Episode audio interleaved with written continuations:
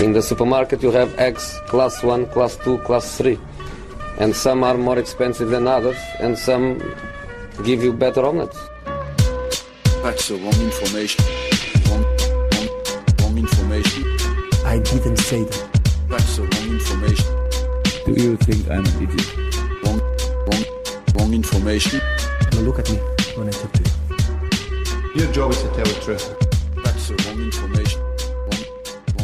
Ja, välkomna ska ni vara då till Sillypodden. Patrik Syk heter jag, för er som inte känner igen min röst. Det var några veckor sedan jag var eh, med i de här sammanhangen. Eh, jag har programlett den här podden förut.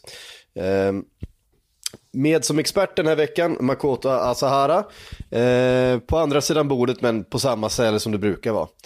Eh, Ja, eh, jag sitter väl på en annan sida av soffan hemma Ja, idag. för- Så för att liksom göra någon form av skillnad här liksom, när man inte sitter på programledarstolen. Så jag får använda högra sidan av soffan istället för vänstra sidan av soffan. och Frid, Man får variera sig på det här sättet i dessa ja, tider. det måste man göra. Och Frida, du sitter tryggt i expertstolen där du alltid sitter. Ja, absolut. Det gör jag. Ja, men det känns skönt. Det känns bra för alla inblandade kan jag avslöja. Vi har eh, ganska mycket sill Nu börjar det ju röra på sig.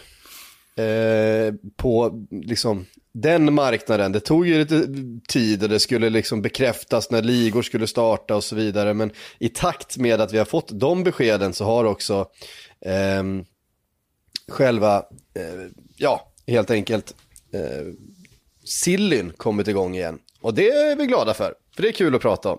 Eh, och det ska vi göra idag. Jag tänkte vi skulle börja. Eh, ska vi ta en runda och fråga hur vi mår? Ni mår bra? Ja, det gör ni. Fantastiskt, då går vi vidare. Vädret, Eh, vädret i England undrar jag för sig. vädret i England är ju en, en, en stående. Man har ändå fått sina veckovisa rapporter här nu, så det känner jag att... Eh, Ja, hur ser det ut? alltså det, jag, jag hatar att eh, säga det, men det är nästan lite för varmt nu. det, det, är, alltså det är uppåt eh, 30-strecket eh, och riktigt sådär kvavt. Eh, känns som att man är, jag tänkte säga det känns som att man är utomlands. Det är jag ju. Men jag menar mer eh, vid Medelhavet eh, eller sådär. Eh, men eh, man får försöka njuta ändå. Eh, det varar kanske inte så länge till, vem vet. Det vet man aldrig. Eh, England är väl lite som, eh, som Sverige, att man är så här, det kan på något sätt, det kan kännas för varmt, men man kan inte klaga på det för man vet att det går över snart. Ehm, vi ska börja prata om Kai Havertz. Jag vet inte om ni noterade det, men i helgen så la vi ut då Makotos eminenta scoutingrapport på den unga tysken. Eh, gratis för alla att lyssna på. Det finns ytterligare några scoutingrapporter för er som går in på Aftonbladets app. Eh, kan man lyssna på dem. Men vi la ut just Kai Havertz, för det är mycket Kai Havertz just nu och vi tyckte att den kunde vi kosta på oss och dela med oss av. Så om ni inte har lyssnat på den så är det bara att gå ett avsnitt tillbaks helt enkelt. Men eh, han eh, ryktas till eh, flera Premier League-klubbar just nu, men också till Real Madrid och det har jag inte pratat så mycket om eh, tidigare. Men det har kommit, framkommit uppgifter att det har funnits kontakt mellan eh, eh, Havertz, Stall och Real Madrid och det har väl bekräftats att han kommer lämna Bayer Leverkusen i sommar. Frågan är bara vem som ska eh, knipa honom. Känns som en spelare som ja, går in i vilken, vilket lag som helst egentligen. Ja, alltså frågan är ju snarare i fallet, alltså det är ju många klubbar som vill ha honom. Frågan är om de klubbarna har pengar nog att köpa loss honom en sommar som den här. För Leverkusen kommer ju kräva sin beskärda slant, vilket de med all rätt ska göra för Havertz. Och jag har ju svårt att se att någon ska ha råd att köpa honom och jag tror ju att han ändå blir kvar ett år till. Sen det ska till väldigt mycket pengar, sådana pengar som jag inte tror finns att värva för en sån här sommar. Eh, särskilt med tanke på att Liverpool liksom vill förhandla ner en 50 miljoner punds-klausul eh, på Werner. Det säger det mesta om hur läget ändå är för de, även de största klubbarna. Men det här Real Madrid-uppgifterna som kom där i Marca, de, de är ju lite förvånande för han har ju inte kopplat jättemycket samman med Real innan. Men när man hör dem så finns det en väldigt stor logik i det. För att Havertz med den spelstil han har och så vidare, han är ju en typ som skulle tillföra väldigt mycket till Reals offensiv, kan i princip otroligt duktig utan boll, otroligt duktig på att skapa ytor för sina lagkamrater och så vidare. På ett sätt som en viss Karim Benzema är väldigt bra på. Och det är ju en viss Karim Benzema som kanske ska roteras ut förr eller senare. Har kommit upp lite i åren, gör kanske inte så mycket mål som man hoppas på. Och då hade ju faktiskt en Havertz i den rollen känns mer Real Madrid-kompatibel sett till hur Real har spelat tidigare åtminstone än, säg, Kylian Mbappé och så vidare. Men ja, det är svårt att se att det ska ske den här sommaren ändå, men att det ändå kom, varit förhandlingar om det säger ju att Real Madrid har sett något sånt också. Att det finns en stor potential. Sen är ju frågan, det finns ju väldigt mycket offensiv talang i Real. Behöver man verkligen in ännu en typ 20-åring i den där gruppen? Det, det, vet jag inte. Men Havertz är ju en exceptionell talang också. Så. Eh, alltså å andra sidan, alltså just på det här med eh, att han kommer kosta en rejäl slant. Alltså det finns ju fortfarande klubbar i England som kan betala de pengarna. Eh, och det är ju, då tänker jag ju främst på Manchester United, eh, Chelsea också. Eh, så det är ju inte speciellt märkligt att det har dykt upp rykten kring att de ska vara väldigt intresserade av honom. I Uniteds fall så handlar det väl om att man vill ha någon som kan spela till höger och det kan han göra. Eh, men jag skulle väl kunna tänka mig att eh, de kan tänka sig att värva honom om de inte skulle få till eh, en övergång för Jadon Sancho exempelvis. Jag har väldigt svårt att säga att de skulle värva båda dem. Det, det, blir, det blir ju dyrt om, om något. Um, och sen i Chelseas fall så, ja, de, de är ju också ute efter att eh, bredda sin trupp i och med att de har lite hål att fylla där efter William och Pedro också som, som kommer lämna så att Um, ja, det finns som sagt det finns ju några klubbar som absolut eh, kan ge sig in i den här budgivningen. Och det kanske är nu man ska passa på också när det inte är så många som, som faktiskt kan hänga med där. Mm. Nej, vart hade ni sett honom? Hade du, eh, går han rakt in i Real Madrid, eh, Makoto? Ja, det beror ju helt på hur man vill spela och hur man ser på Karim Benzema. Så kan man ju säga. Om man tänker att Karim Benzema är lika självskriven som han varit tidigare så Ja, det skulle ju vara då kanske till höger av mittfältet och sen har Hazard till vänster. Men den där platsen är ju på något sätt vikt för en Kylian Mbappé-värvning förr eller senare. Så, ja, och sen finns det ju dessutom, jag skulle ju gå före spelare som Vinicius och Rodrigo och så vidare. Och kanske även före en spelare som Martin Ödegård om han kommer tillbaka. Och det är ju då frågan, vill man plocka in en Havertz för väldigt mycket pengar och sen då riskera utvecklingen på väldigt många av de andra talangerna du också lagt väldigt mycket pengar på? Jag är tveksam. Sen är ju Havertz en unik spelare på så att han har ju väldigt, han är ju otroligt, vad ska man säga, mångsidig. Han kan göra väldigt mycket olika saker i offensiven och jag tror att han skulle tillföra men jag har svårt att säga att han ska gå in och bara ta en startplats rakt av om man inte gör någon form av taktisk förändring också. Mm. Eh, ja, alltså det är ju, eh, det är ju svårt eh, att avgöra. Det är framförallt kommer vara väldigt, eh, väldigt känsliga förhandlingar när det kommer till de här stora övergångarna. Kanske är det bättre då att eh, låna spelare och förlänga de lånen som man eh, redan sitter på. Så har i alla fall Manchester United gjort. Med Idion Igalo. det blev klart igår tror jag att United förlänger eh, lånet av Igalo till januari. De får betala 10,5 miljoner pund för det. Och eh, dessutom får de betala halva hans lön. Han har en hiskelig lön alltså i Kina. Han tjänar 300 000... Är det halva nya lön? Han tjänar 300 000 pund i veckan. Eh, varav eh, Manchester United då får betala hälften av det. Eh, och dessutom då betala en låneavgift eh, för det här lånet fram till eh, januari på 10 miljoner pund. Så att det är ett dyrt lån, men man slipper ju göra en, en jätteinvestering i så här osäkra tider. Framförallt när man inte vet hur, hur nästa säsong kommer se ut heller. Hur den kommer spelas eller någonting. Um, ja, väntat, vad säger ni? Ja, nej men absolut. De har ju försökt att, att hitta en lösning. Det har ju varit väldigt tydligt att United har velat behålla honom och eh, att han själv också har velat stanna. Men precis som du säger, det enda hindret har ju eh, varit alltså, det, det, den ekonomiska biten. Så att eh, jag tror i alla fall att han själv är, är oerhört nöjd med det här och att han får ytterligare en en halv säsong i alla fall eh, i United. Vi får inte glömma bort att hans kontrakt löpte ju ut den sista maj. Så att det hade ju dessutom inneburit att han inte hade kunnat eh, vara med nu eh, efter återstarten. Eh, jag tycker att det är en ganska, det är en ganska bra lösning. De, de behöver en, en striker, eh, backup striker. Eh, de kan inte hitta någon som är mer dedikerad eh, egentligen än vad han är. Eh, han kan förhoppningsvis lyfta de unga spelarna. Så att jag tycker att det är, mm, ja, det är en bra deal för eh, alla inblandade förutom ja, att det är ganska mycket pengar då. Men ja, det får man ta. Alltså, man satt ju och skrattade åt det här på deadline day i vintras om att vad håller de på med.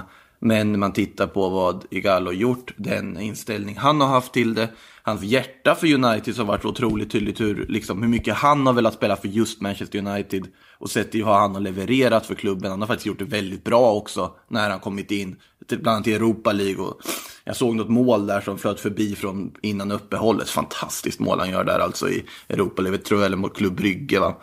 Eh, så det är en logisk lösning för då slipper de börja jaga efter en annan backup och lägga massa kraft på det. Man har då täckt på den här positionen i en svår situation ett tag till och sen efter det kan man titta på om man kanske vill gå för något större premiumnamn i ett läge där jag kanske kan gå för större namn än vad de kan göra nu också. Så att en superlösning för alla parter skulle jag säga. Mm. Nej men alltså, att, att Manchester United alltid kan, kan liksom gå på ett stort namn och betala en miljard för en spelare, det, de pengarna finns ju i klubben. Det kan de ju göra, men eh, eh, så det handlar nog mer om att det är taktiskt en, en dålig tid just nu att göra den investeringen eftersom det är så osäker på hur, hur närmsta årets fotboll kommer spelas helt enkelt. Um, ja, nog, men också ja. att man liksom har haft prioriteringar på andra, man har andra positioner som man behöver fylla. Alltså exempelvis till höger. De behöver en spelare som, en ordentlig spelare som kan gå in där. Eh, och då är det väl klart att de vill fokusera på att lägga sina pengar på det. De vill ha en mittback också. Eh, de vill ha en Eh, en, en, en extra mittfältare möjligtvis. Alltså det, det finns ju luckor att, att fylla och då kanske inte... Ja, man, man får liksom prioritera rätt helt enkelt. Precis. Det finns ju en statusfråga där också. Att United idag, även om spelare som Jadon Sancho och så vidare kopplas samman med dem, så man kan inte gå för de absoluta toppnamnen. För de absoluta toppnamnen, ja du kanske har råd med dem, men de vill inte gå till Manchester United i dagsläget. Men sett till hur United utvecklas och att det ändå finns en ganska, alltså ganska mycket ljusglimtar där på horisonten så kan man ju tänka sig att de kanske har återvunnit sin status hos liksom de stora namnen ungefär om ett år eller två. I ett läge där Igalo då lämnar, du kan gå för en helt annan typ av namn än vad de namnen skulle vara intresserade av att gå till United idag. Eh, och då eh, rör vi oss ganska snabbt då eftersom eh, det kan ju också finnas möjlighet att göra ett fynd. Eh, med en spelare som är etablerad, som man vet precis vad man får och som direkt kan, kan eh, höja en, eh, en kvalitet. Då pratar jag om Kalidou Koulibaly. Det är nämligen så att eh, Lekip skriver eh, igår också tror jag, om att PSG nu har övergett, they have abandoned their attempts to land a Napoli centerback. partly due to strong pressing from Manchester United. Ehm, och det är klart att Koulibaly, det, det som det pratas om det är att hans eh, eh ursprungspris, 100 miljoner euro, nu på grund av krisen eh, skulle ligga någonstans runt 75 miljoner euro. Och för de pengarna så skulle det vara en supervärvning för Manchester United. Ehm, eh, de, de nämner också eh, i samma meningar Eh, uh, PSG's decision to withdraw their interest because of Manchester United pressure could benefit Liverpool. Um, uh, Jürgen Klopp ska ha då ringt uh, Koulibaly uh, för, att kunna, för att övertyga honom om att komma till Liverpool istället. Det tror jag inte på, om jag ska vara ärlig. Um, även om det hade varit häftigt att se Koulibaly och van Dijk i ett, ett mittlås tillsammans. Uh, det hade varit ganska bra. Ehm, så eh, ser jag inte alls den, den möjligheten. Jag tror att det Klopp har helt andra planer för det, den backlinjen. Och jag tror att Manchester United kommer betala det som krävs om, om det är så att uh, Koulibaly finns tillgänglig helt enkelt. Och då får vi väl se hur det påverkar i så fall då Vigge. Eh, för Maguire kommer väl fortfarande vara. Ehm, han är ju första namnet nu. Och tar man in en Koulibaly som väl är en av världens mest eftertraktade mittbackar. Eh, 29 år gammal, liksom i sin prime. Eh, då är väl frågan eh, hur det blir med, med Vigges speltid framöver. Ja, nej, men så är det ju absolut. Um, sen får man väl uh, komma ihåg att de ibland spelar trebackslinje också så att det, det finns ju fortfarande möjlighet för, för Lindelöf att, ja, att få spela. Men det är väl klart att det, det är inte Maguire som ryker uh, ur en startelva. Så mycket kan vi säga med tanke på hur mycket han, han kostade. Um, så att um, nej, vi får se hur mycket sanning det, det ligger i de här ryktena. Men det är ju säkert, eh, eftersom att de har varit öppna med att de letar efter en mittback så vore ju det här förstås drömvärvningen för, för deras del. Och eh, L'Equipe har ju, har ju bra koll på PSG så att säga. Om de citerar att anledningen att PSG drar sig ut är på grund av då eh, att Manchester United har satt press på den här affären. Eh, även antagligen att de har drivit upp priset helt enkelt. Eh, så då tror jag i alla fall att det ligger någonting i det. Eh, de här uppgifterna om att Klopp ska ha ringt eh, Koulibaly och så vidare. Ehm, Eh, det tycker jag låter som en agent som förhandlar en lön med Manchester United. mer än någonting annat. om jag ska vara ärlig. Jag är ju mest nyfiken på ju... vilken, eh, alltså vilken summa det kommer eh, landa på då. Eh, för att man förväntar ju sig att det kommer vara ganska rejäla pengar. Sen samtidigt, situationen är som den är också så att eh, det lär ju inte bli eh, så högt som man kanske hade trott för några månader sedan. Nej, precis. Det var det de skriver här. Att det, eh, det, priset har sjunkit från 100 miljoner till 75 miljoner eh, i transfer fee. Men sen är ju frågan då vad man betalar i lön.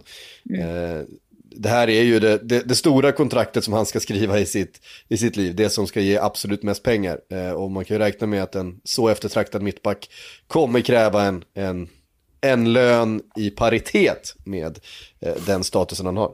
Och frågan är liksom hur många eh, sådana värvningar kan United göra? Eh, alltså var, var ligger det, alltså vad, var prioriterar de allra, allra främst? Eh, för att det, inte ens de kan ju liksom husta upp liksom hur många sådana här jättevärvningar eller jätteövergångar som helst heller. Så att eh, det vore oerhört intressant om han blir klar för United för, och vad det liksom kommer innebära för, för resten av Uniteds transferfönster. Mm.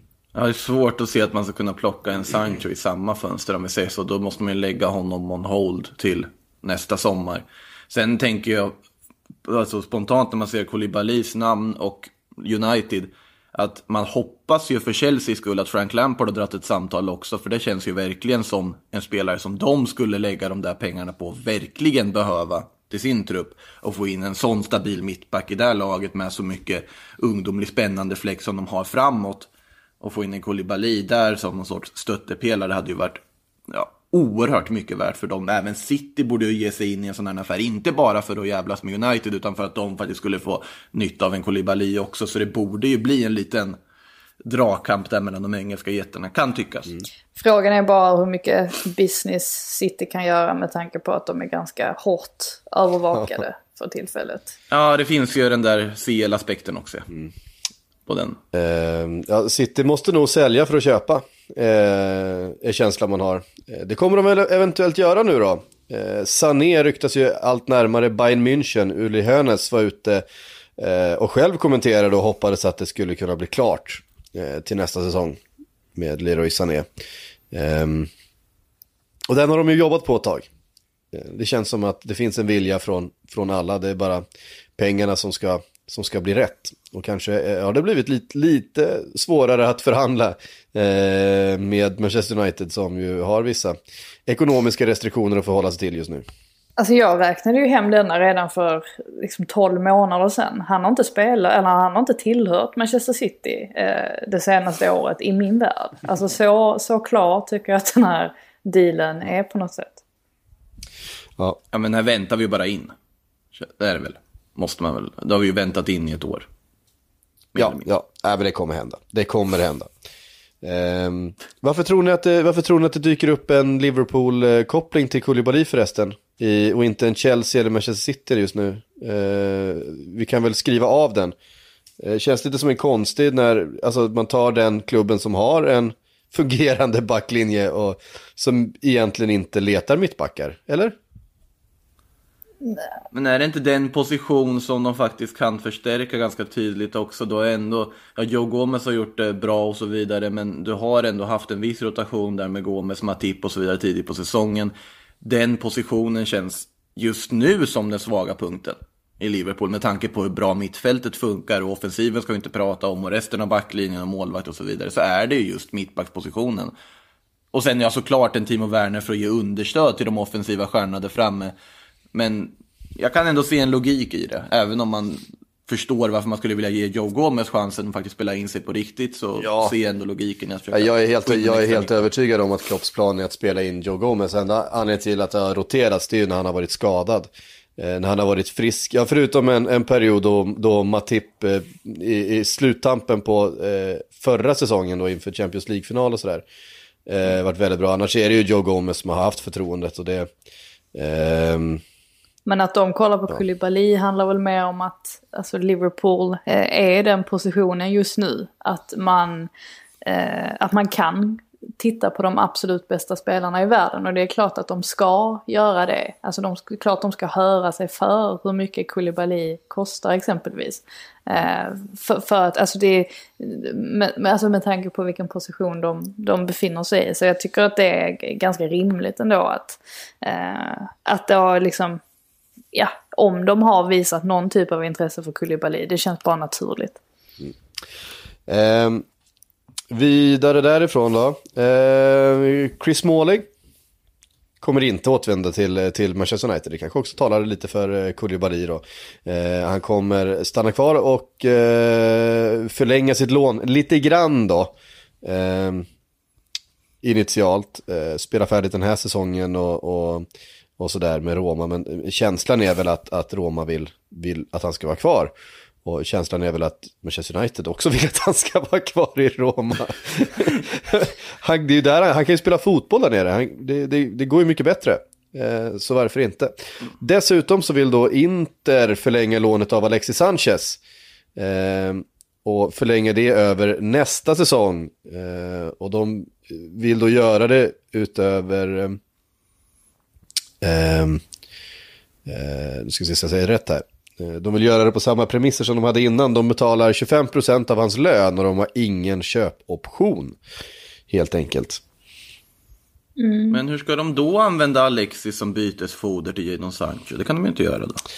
Eh, Nej, det, det, jag, jag tror vi avskrev det ryktet ganska snabbt. eh, För att det var så bisarrt. Det var en viss sarkasm i det där, ska Eh, tilläggas. Som det inte Ja men det är, ju, det är ju perfekt egentligen att Inter vill ha honom. Alltså vi, vi har ju nästan kommit till det skedet nu när United liksom inser att de sitter på en spelare som de verkligen inte vill eh, ha någonting med att göra. Eh, och då är väl det, bäst, det här eh, det bästa för alla parter antagligen med tanke på att han sitter på den lönen han sitter. 450 miljoner, eller vad säger jag, 450 000 pund i veckan. Eh, så netta 200 eh, drygt miljoner om året. Ja det var en dyr presentationsvideo. Det får man, får man konstatera. Eh, det får man verkligen konstatera. Ehm, David Luiz, på tal om mittbackar, hans eh, eh, option då eh, i Arsenal gick ut. Eh, och då är frågan, eh, vad händer? Ska han bli kvar? Ska han tillbaks till Chelsea? Ehm, ja, va, va, var ska David Luiz ta vägen enligt hans agent då? Kia... Ja uttala nu. Uttala. Jo, jo nej jag, jag, jag Ah, skiter i det. Eh, Kia säger vi. Ehm, eh, så, så ska då en, en förlängning ändå vara, vara närmast då med Arsenal. Vad, vad är era tankar Ja. runt David Luiz? Alltså för det första så blev jag ganska mörkrädd när jag läste om den här övergången som han gjorde då från Chelsea till Arsenal i, i The Athletic. Um, och vad det har kostat. Alltså det har alltså kostat Arsenal 24 miljoner pund um, för en säsong. Vil- vilket Uh, Men vilken säsong sen. Ja men liksom tänker man på det så, för den hyllades ju av en del eh, den här övergången med tanke på att det inte kostade så mycket. Alltså själva övergångssumman var liksom 8 miljoner pund och då tänkte många att ja, men det är väl en ganska vettig övergång då eftersom Arsenal liksom behöver en mittback och så får de in en, ja visst alltså han har något misstag i sig då och då men han är i alla fall rutinerad och liksom, man vet vad man kan förvänta sig av honom. Men med, med tanke på att liksom, kostnaderna har stigit så mycket så undrar man ju om liksom, det, det där var ju ingen det var ju ingen bra deal ändå i slutändan. Och det, det, det finns ju säkert, alltså den här agentkopplingen den är ju oundviklig. Ehm, hans agent har ju liksom nära kontakt med Raul och de som, som styr Arsenal så att det är inte speciellt konstigt egentligen att, att det har blivit så här. Ehm, men det är väl självklart att en klubb som Arsenal ska kunna alltså värva på ett betydligt vettigare sätt. Ehm, det, det blir en otroligt kortsiktig lösning. Och jag skulle, det skulle inte förvåna mig alls om de om han försvinner nu, det verkar väl, alltså det, nästan allting pekar väl på att det, att det kommer att bli så. Det känns som att det Ehm, är det bästa för alla. Ehm, jag har svårt att se att han skulle bli kvar i Premier League egentligen. Ehm, men ja, man får se var han, var han tar vägen. Det finns säkert någon som har, eh, har behov av honom. Benfica har det väl pratats lite om att han skulle flytta hem då till eh, ett klubb han varit i tidigare också. Det har han ju gjort förr för övrigt, David Luiz. Men eh, att det skulle vara Benfica han vill tillbaka till nu. Men jag har svårt att se att de ska, eftersom de har ju ganska god ekonomi också på så sätt med försäljningar och så vidare. Så de skulle väl teoretiskt sett ha råd och det skulle vara logiskt. Sen var vi väl lite oense förra avsnittet här om hur mycket David Luiz tillför. För det vet jag att jag satt ganska själv här och tyckte att men det kan väl funka med ett år till. Jag tycker ändå han, han är ganska bra. Ja.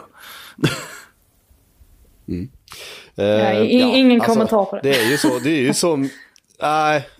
Det var bara tystnad. Jag tänkte, bröt samtalet eller vad hände där? Tänkte jag först. Alltså det är ju så med, med David Luiz. Det kommer väl vara så vart han än är. Att det, det kostar ibland lite mer än vad det smakar. Eh, och ibland smakar det lite mer än vad det kostar. Alltså så här, det, han kan ju faktiskt avgöra matcher. Ibland, på egen hand. Ja, Du får mycket frisyr för åt, pengarna. Åt, åt, åt båda håll kan han faktiskt avgöra matcher. Eh, Absolut, och, gör han, han, har ju, och han har ju haft en viktig roll alltså sen Arteta kom in. Alltså i- inte bara i, i det här att han har fått mycket speltid utan även inställningsmässigt och att han har varit väldigt pro Arteta. Så alltså att han har ju verkligen fyllt en roll under våren. Eh, men grejen är nu när Pablo Mari liksom förväntas eh, alltså bli, göra sin övergång eh, permanent eh, så behöver man ju liksom banta då i antalet mittbackar. För då sitter man med Mustafi, Sokratis, man har Rob Holding och Callum Chambers också som är på väg tillbaka från, från skada. Så att det behövs göras någonting där.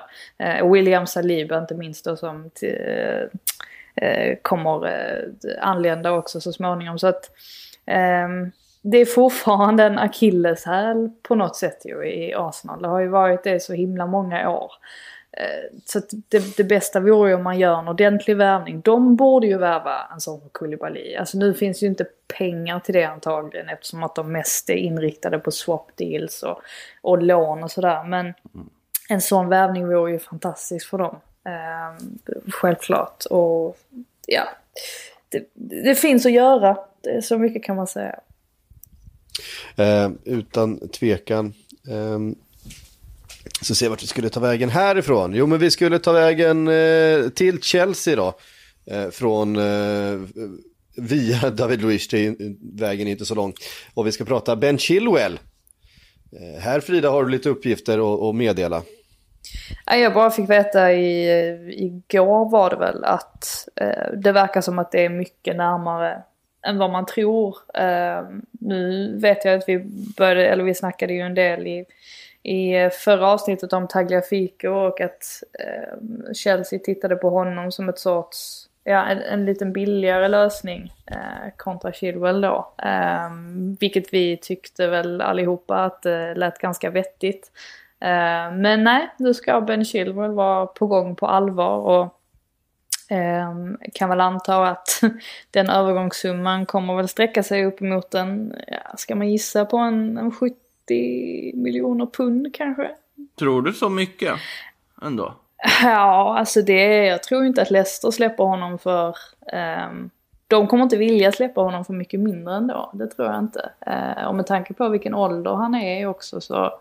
Eh, men det är såklart, man har ju guldläge här nu i och med coronan. Ehm, såklart, så att det finns ju möjlighet att man kan sänka den prislappen. Men ehm, ja, vi, vi får se vad som händer. Men de Chelsea behöver ju en spelare på på den positionen. Så att det är ju inte så konstigt ändå att de ehm, går all in för det liksom.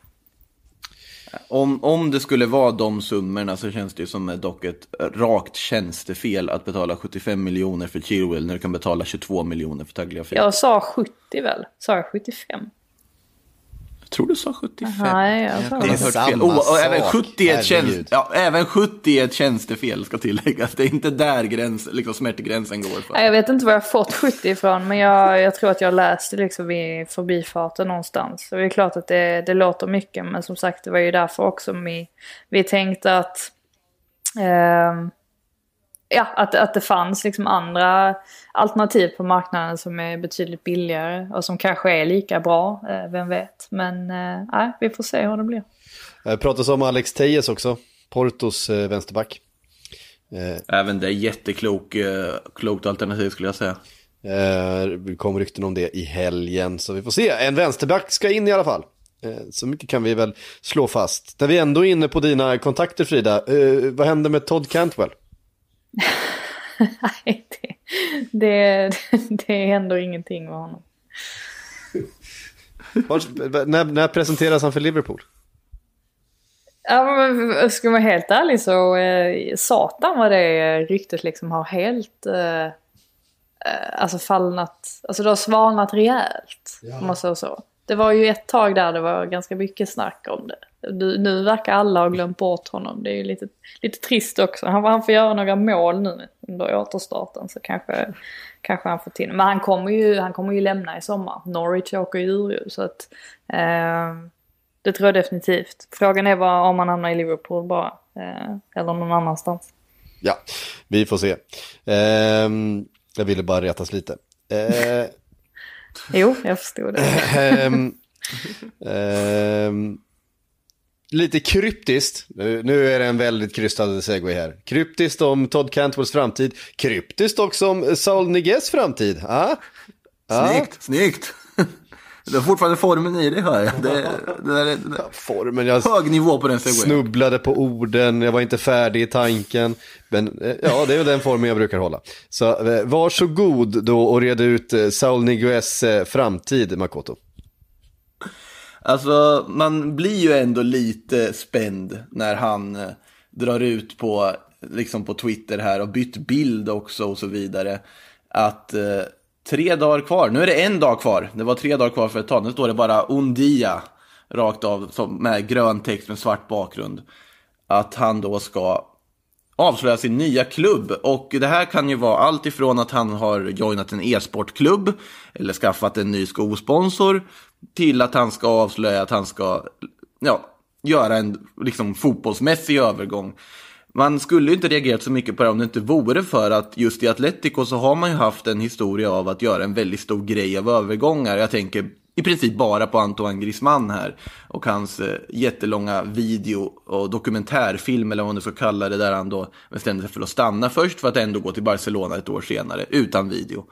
Eh, och nu, nu undrar man ju om det här är bara någon sorts reklamtrick eller om faktiskt Saul, som ändå har ryktats i bland annat United och så vidare, faktiskt är på väg att göra en flytt. Men det känns som att vi borde ha hört mer surr om att någonting var på gång innan det kommer något sånt här. Så att jag tror att han ska liksom byta Fortnite-lag eller någonting. I grunden. Men man vet ju inte. Man vet inte. Det känns inte som, alltså så där kan han ju inte göra om det är så att han ska lämna eh, Atleti för, för Manchester United. Då kan han ju inte hålla på på det där sättet. Man, man, man tror ju inte att han ska kunna göra så, men sen har man sett vad Griezmann har gjort. Så att man, det är ju inte omöjligt. Nej, nej, vi får se. Det, var, det, har inte kommit, det har inte kommit något ytterligare om det i alla fall vad jag har sett. Nej, det är mest bara det där kryptiska meddelandet han har liksom. Och det, som sagt, det mesta tyder ju på att det är något som är totalt av ointresse för oss. Men eh, man vet ju inte. Och det är, det är det som är lite fascinerande. Det är lite kul när sånt här dyker upp också. Även om det ofta slutar med eh, bedrövelse och någon ny marknadsföringsgrej så sitter man ändå och funderar lite. Saul hade ju varit en helt enorm förstärkning för många topplag i Premier League också. Fantastiskt duktig, mångsidig spelare. Så att eh, ja, det är lite spännande ändå. Jag måste bara sticka in. Jag eh, messade en kollega och frågade om Chilwell och vi- vilket pris eh, Leicester har satt på honom. De, 85 miljoner pund vill de ha. Du, du skojar med. Så vet vi det. Ja. Ehm, Oj, oj, oj, oj. ehm, jag, jag är inte alls förvånad att de, att de sätter det priset. Inte ett dugg. Man är ju inte det, men man blir ändå förfasad. Ja, men ja, vi får ändå tänka att han är, han är ehm, efter Robertson så är han väl den, den bästa i, i hela ligan. Så att, ehm, ja, eh, Premier League, eh, ung, ehm, ja, det, det, det är ju de här priserna. Så är det. Ja, det, Jo, du betalar ju för passet naturligtvis, men eh, om man tittar liksom på där du egentligen betalar för att se en fotbollsspelare så fortfarande att Tagliafico ligger på 22 och Chilwell ligger på 85. Det, ja. Jag är inte förvånad, det är mest att man blir lika förskräckt varje gång hur mycket det kostar att ha en viss eh, pass och eh, viss liksom erfarenhet från en viss liga. ja, men det betyder mycket vet du. Han, det, eh, ben Chilwell kommer ju vara att- landslags, landslags eh, vänsterback nu för de närmsta, eh, närmsta 5-10 åren eh, av allt att döma. Och då, eh, Sen måste du ju ta åldern, alltså det är ju åldern du måste ta in i beräkning här. hur gammal är. Tagliafico? Han är lika gammal som mig, så han är 27. Så Eh, gammal? Ja, så att... eh, Jag trodde han var yngre måste jag faktiskt säga. B- och vad är Chilwell? 23? Eh, någonting sånt. Så att det, det spelar ju självklart in. Naturligtvis, men likväl. Eh. Min förskräckelse kommer inte släppa, men jag förstår. Det är, det är liksom, jag förstår ju varför. Jag ville bara uttrycka den Du förskräckelsen. du vill uttrycka din avsky mot de här engelska överpriserna, är det det du... Ja, men det har man väl gjort förut, men jag har väl suttit här och sagt att det, den där Harry Maguire-värvningen var inte så dum ändå också, så att jag har ju ändå liksom lite gått ifrån min anti-anglofilistiska liksom ståndpunkt som man brukar ha i alla möjliga transfersammanhang. Men ändå, 85 miljoner. Ja, det är mycket pengar. eh, framförallt med tanke på att eh, det kom ju nya uppgifter om Timo Werner också. Eh, nähä, det kommer ju uppgifter om Timo Werner varje dag eh, från alla möjliga håll. Nu verkar det som att eh, Nagelsmann har eh, gett upp möjligheterna eh, till att eh, Werner blir kvar eh, till nästa säsong i eh, RB Leipzig. Utan han kommer lämna.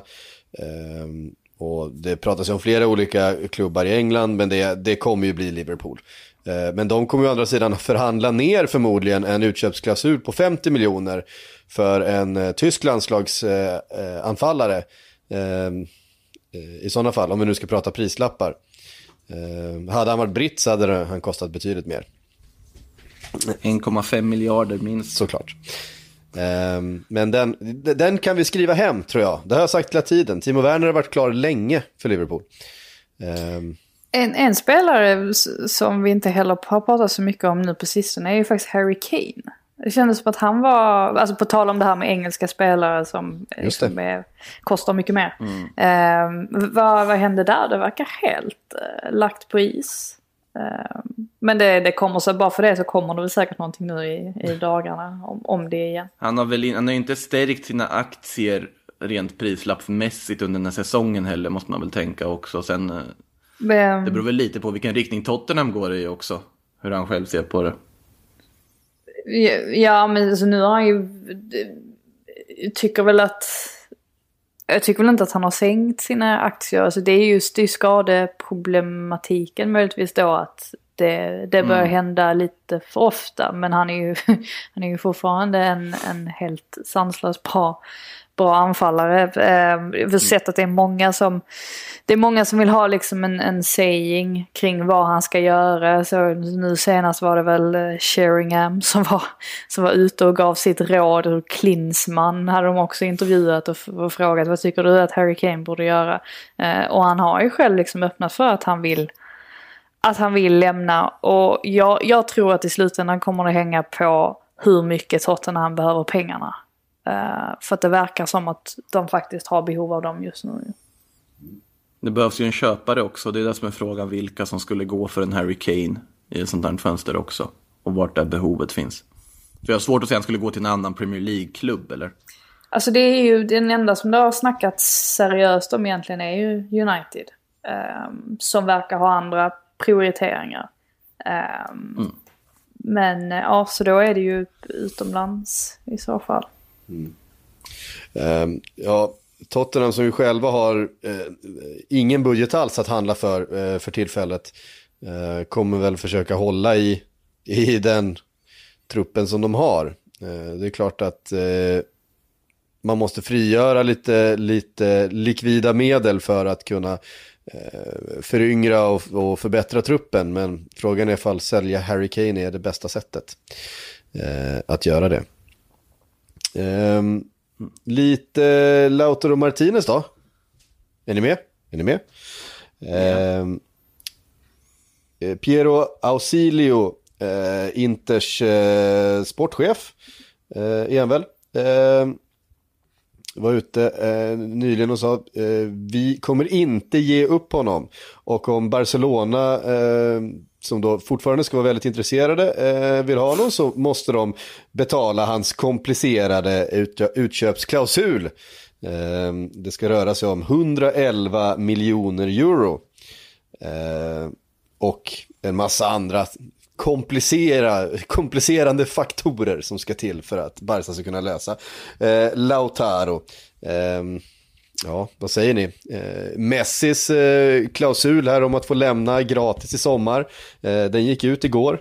Eh, Så Messi kommer vara kvar i Barcelona om det var nu var någon som trodde någonting annat eh, inför nästa säsong. Den där klausulen är intressant alltså tycker jag ändå. Att den ändå fanns. Att man vågar lägga en sån klausul är intressant. Sen, sen är det ju något fint i det tycker jag också. Att man ger det till sin största stjärna. Att man sätter fin. Men det finns något oerhört naivt över det också. Att om den klausulen nu har existerat så är den ju otroligt naiv men otroligt fin. Eh, angående Lautaro var vi inne på det förra veckan där att ja, såklart, det är ju en spelare med sina kvaliteter som kanske är värd de pengarna.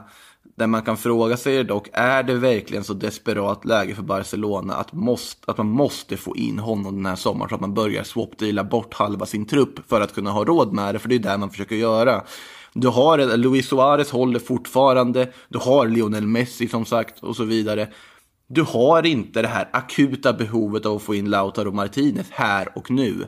Men det är valår, det är en Bartomeu och så vidare som vet att, ja men, eller då den som tar över efter Bartomeu, som jag har förstått det så kanske inte han kan sitta så länge till på grund av mandatperioder och så vidare i Barcelona.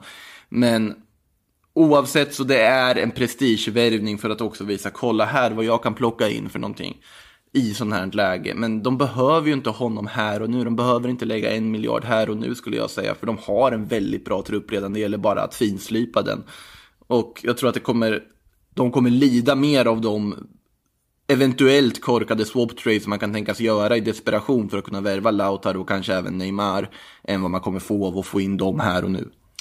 Ja, och som sagt, Inter kommer inte ge sig frivilligt i den här eh, förhandlingen. Det ska de inte göra heller. Nej, det var väl det som var den senaste uppdateringen här helt enkelt. Eh, Filipe Coutinho har det pratats mycket om eh, senaste året. Eh, vart ska han ta vägen? Barcelona är inte intresserade av att ha kvar honom. Bayern München vill inte förlänga sitt lån. Eh, det pratas om Arsenal, det pratas om Chelsea. Vad ska hända med Filipe Coutinho? Vart spelar han fotboll nästa säsong tror ni? Ja, alltså.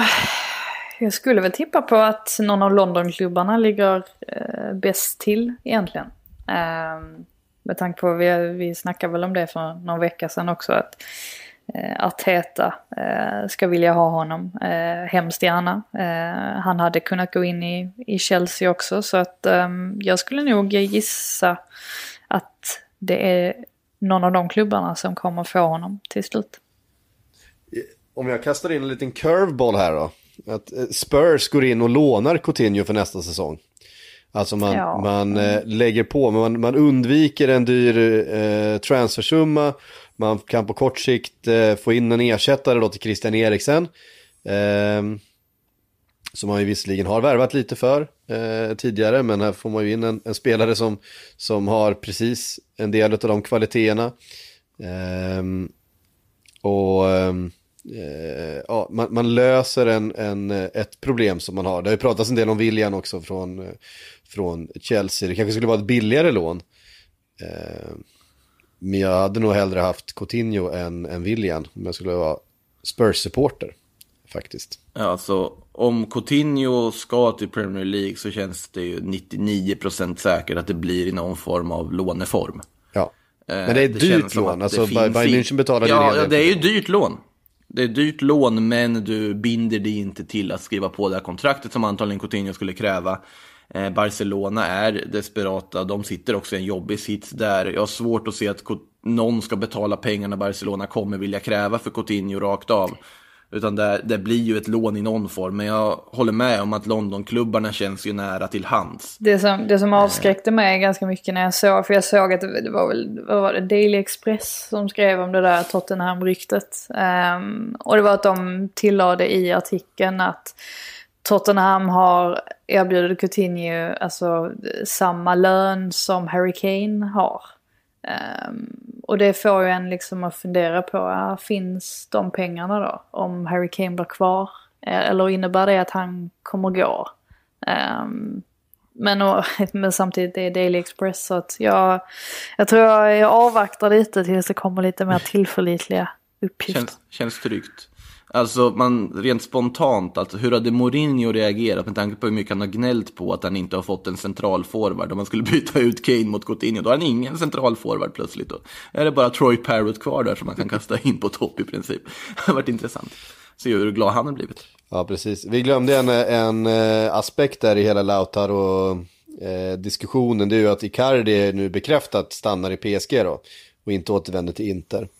Ehm, så att, eh, eh, ja, de kommer behöva ersätta Lautaro Martinez eh, i sådana fall Inter. Eh, på den här tuffa marknaden. Eh, och det gör man ju inte i en handvändning så att säga. Eh, Harry Kane kanske? Harry Kane kanske. Eh, och Alexis Sanchez är kvar. På lån. Eh, vi ska svara på lite frågor också innan vi eh, stänger den här butiken för idag. Eh, vi har fått en från Stefan Forslin. Han skriver, är det inte konstigt att så få storklubbar försökt värva Marcel Sabitzer ofattbart underskattad? Är det konstigt?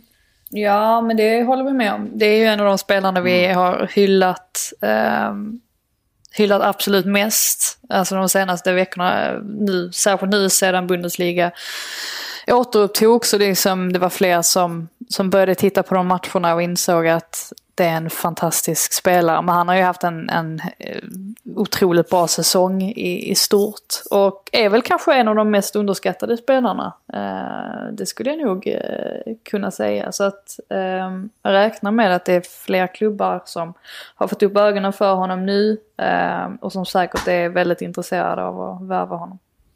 Mm. Han kommer ju kopplas till eh, minst en eller två alltså PL-storklubbar under den här sommaren. Det är ju, känns ju säkert. Sen om det blir något eller inte, det känns väl tveksamt med tanke på att du ändå har situationer med både Timo Werner och Dayo Pamecano i Leipzig. Så de är ju inte i ett läge där de måste börja skeppa stjärnor direkt. Utan Sabitzer kommer nog vara ganska viktig för dem att behålla. De vill nog inte ge sig in och börja fundera över Sabitzers framtid också när deras stjärnor på både anfalls och försvarspositionen sannolikt kan lämna den här sommaren så vill de ju inte bli av med sin bästa mittfältare heller. Just det. Eh, Vi tar en fråga från Fredrik L. Han undrar, har Patrik Syk slutat på sporten? Eh. ja, Har du det? alltså jag jobbar ju inte bara för sporten va. Jag jobbar för alla redaktioner. Så att eh, på det sättet så svarar vi jag och, ja och nej på den frågan. Eller ett rungande ja. Ehm, helt enkelt. Ehm, vi har fått en fråga från Ledley Kings knä. Vilken är den bästa free transfer-värvningen Tottenham kan göra nu när budgeten är noll? Ja, med tanke på att Messi inte går att få på free transfer längre då den här sommaren. Så, som, ju, som ju annars är svaret på frågan. Eh, fram tills i, i, söndag kväll så var, var svaret på frågan Messi. Eh, nu tisdag morgon, eh, frågan Ryan är... Fraser. Ryan Fraser. Mourinho är ju inte övertygad. Det är... Jag, Ja. Jag vill glädja Mourinho för han får en forward. Jag säger att Edinson Cavani med tanke på att han finns på fri transfer hade varit en riktigt fin, åtminstone en kortsiktig förstärkning där. Vet inte hur realistiskt den är men. Nej. Eh, nej, alltså, William känns ju nära till hans. Det var ju nära där en, en gång i tiden. Eh, ett, av våra, ett av våra första Sillypodd-avsnitt. När Erik Niva bytte färg eh, flera gånger under, under inspelningens gång. Eh, under hela, hela eh, läkarundersökningen hos Spurs och sen plötsligt var klar för, för Chelsea. Kanske blir Spurs en vända till slut då för 32-åringen, är han det nu, William va? Eh, vi får se. Eh, Nicke undrar om Zlatan spelar i Bayern i sommar, vilka värvar han då till Team Raiola? Ja, Vad har vi, vad för Raiola-kompatibla lirare i Bayern egentligen? Det är en ganska rolig fråga. Eh, ja, det är ju frågan vil- vilka skulle Raiola vilja plocka in i sitt stall? ja precis. Han har Alltså, ganska många. Jag vet inte hur långt, långt ner i liksom, fotbollshierarkin han rör sig. Eh, Alltså, Katsa Niklic kanske. ja, han känns ju inte som en Raiola-typ. Eller? Ja, men är inte, är inte Han alla för snäll. innerst inne? Fast det, det, vi har sett exempelvis vår egen Mino Raiola, Hassan Settinkaya. Vi har sett väldigt många snälla spelare gå över till honom nu på sistone. Just för att de vill liksom ha någon som kompletterar deras snällhet. Så att jag skulle väl med säga det så, kanske. Jag tror att du kan, oavsett vem du har som agent, så kan du fortfarande vara snäll skulle jag säga. eh, jag, jag ska säga Darjan Bojanic. Känns som en av de mest intressanta spelarna också dessutom, som har vissa intressanta kvaliteter också. Ehm, det är ju lite frågan vad, man har, vad de har för agenter idag då. Eh, Ja, jag kom på det, att det kanske inte är så bra att föreslå agentbyten för spelare i Allsvenskan här i poddsammanhang. De har säkert jättebra agenter som det får vi lägga till Ja, också. precis. Jag vet inte skull. Men det är synd att, synd att Djurdjic inte är kvar för att då hade jag ju liksom... Det hade varit ett, ett jävla dream team ändå, Mino Raiola och Djurdjic. Han hade spelat i kinesiska första ligan och inte andra ligan då, det kan vi säga, man har haft Raiola som agent. höll på. Eh, jag vet inte, har Raiola några, några spelare i allsvenskan nu? Ja, förutom Zlatan då. Ja, Om vi räknar in Zlatan som allsvensk redan nu så, Vi får ju göra det i den här hypotesen, eller hur? ja, ja, i och för sig den hypotesen får man göra det. Ja, Ja, jag jag har tror haft inte svårt det. att se det. Nej, det kan Svårt att se en tänka. skulle... Eh, Nej. eh, Jonas Eliasson skriver, vad händer med Barca Ter Stegen om förhandlingarna inte går i hamn? Eh, jag har svårt att se att de inte ska gå i hamn. Det känns ju som att de snarare liksom går i hamn. För att de kommer ju ge väldigt mycket pengar för att behålla honom. Han är ju en av världens absolut bästa målvakter. Det finns det är inget att snacka om. Allt han har varit tjänstefel än att signa upp honom för en längre deal. Så att jag tror inte att det behöver oroas för det. För att han har ju också varit en av de här spelarna som varit där. Men han rör vi inte om vi ska börja swap-deala med folk. Ter Stegen är liksom safe. Messi är safe. Så resten är up for grabs höll jag på att säga. Nästa, Frenkie de Jong är väl också safe. Ja, precis. Och sen kanske, ja, Piqué och Suarez kommer du inte byta bort såklart. Men... Nej, jag tror att det, det ska vi nog vara ganska lugna för. Ter Stegen är nog kvar. I annat fall, jag ser att han frågar också, blir det i så fall Bayern för Ter Stegen? Det blir det ju absolut inte med tanke på att du har en Neuer och en Alexander Nybel som är klar för Bayern. Där har du ju redan en målvaktstvekamp som kommer vara väldigt intressant vi att inte följa slänga in nästa Ter säsong. Stegen i den också? Åh herregud, ja, du, med tanke på Ter Stegen och Neuer i landslaget också på det, ja det, det hade ju varit något. Eh, underhållningsmässigt jättespännande hade det varit att se Ter Stegen gå in där, för han ska ju spela såklart. Men det är väl vilken annan klubb som helst som skulle behöva en målvakt av absolut världsklass.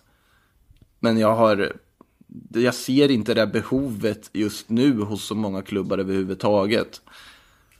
Nej, alltså ett tag var det ju liksom sån, sån otrolig eh, efterfrågan på, på eh, målvakter. Man tyckte att det var eh, en extrem bristvara. Nu är det så många målvakter som har liksom tagit klivet och det är liksom inga rykten om Oblak heller, även om eh, han såklart sitter på ett bra kontrakt i Atletico Madrid. Men, men eh, ett tag så var det ju Eh, alla målvakter som, som eh, var sådär topp 10 i världen, det var ju spaltmeter om, alltså rykten om dem eh, i varenda sillepott. Det har inte varit så.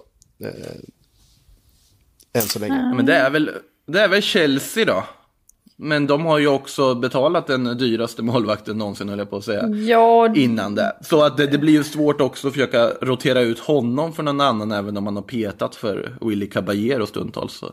Alltså i, i, jag tror absolut att de, de letar efter en målvakt och de kommer antagligen värva en målvakt också i sommar. Men alltså för Kepa, alltså att Kepa blev petad handlade ju mer om att man skulle få igång, igång honom igen. Alltså på allvar att han har blivit lite för bekväm. Så att det man letar efter är ju främst någon som möjligtvis kan tänka sig att gå in som andra målvakt. Uh, Willy Caballero är ju väldigt uppskattad men han är ju inte tillräckligt bra för att kunna utmana Kepa egentligen. Även om jag fortfarande tycker att det var ett genidrag av Frank Lampard att faktiskt peta honom. Eh, för att det verkade som att det gav effekt.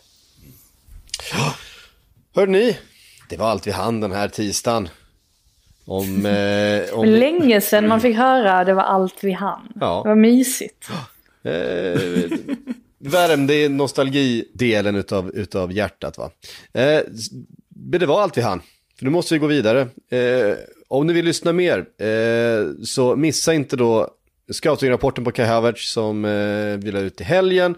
Eh, vill ni ha fler sådana, gå in då på Aftonbladets app via bloggen ska det finnas länkar till fler scouting-rapporter likt den. Eh, Frida och Makoto, tack för, så mycket för att ni var med idag och Sillypodden är tillbaks snart igen. Hej på er!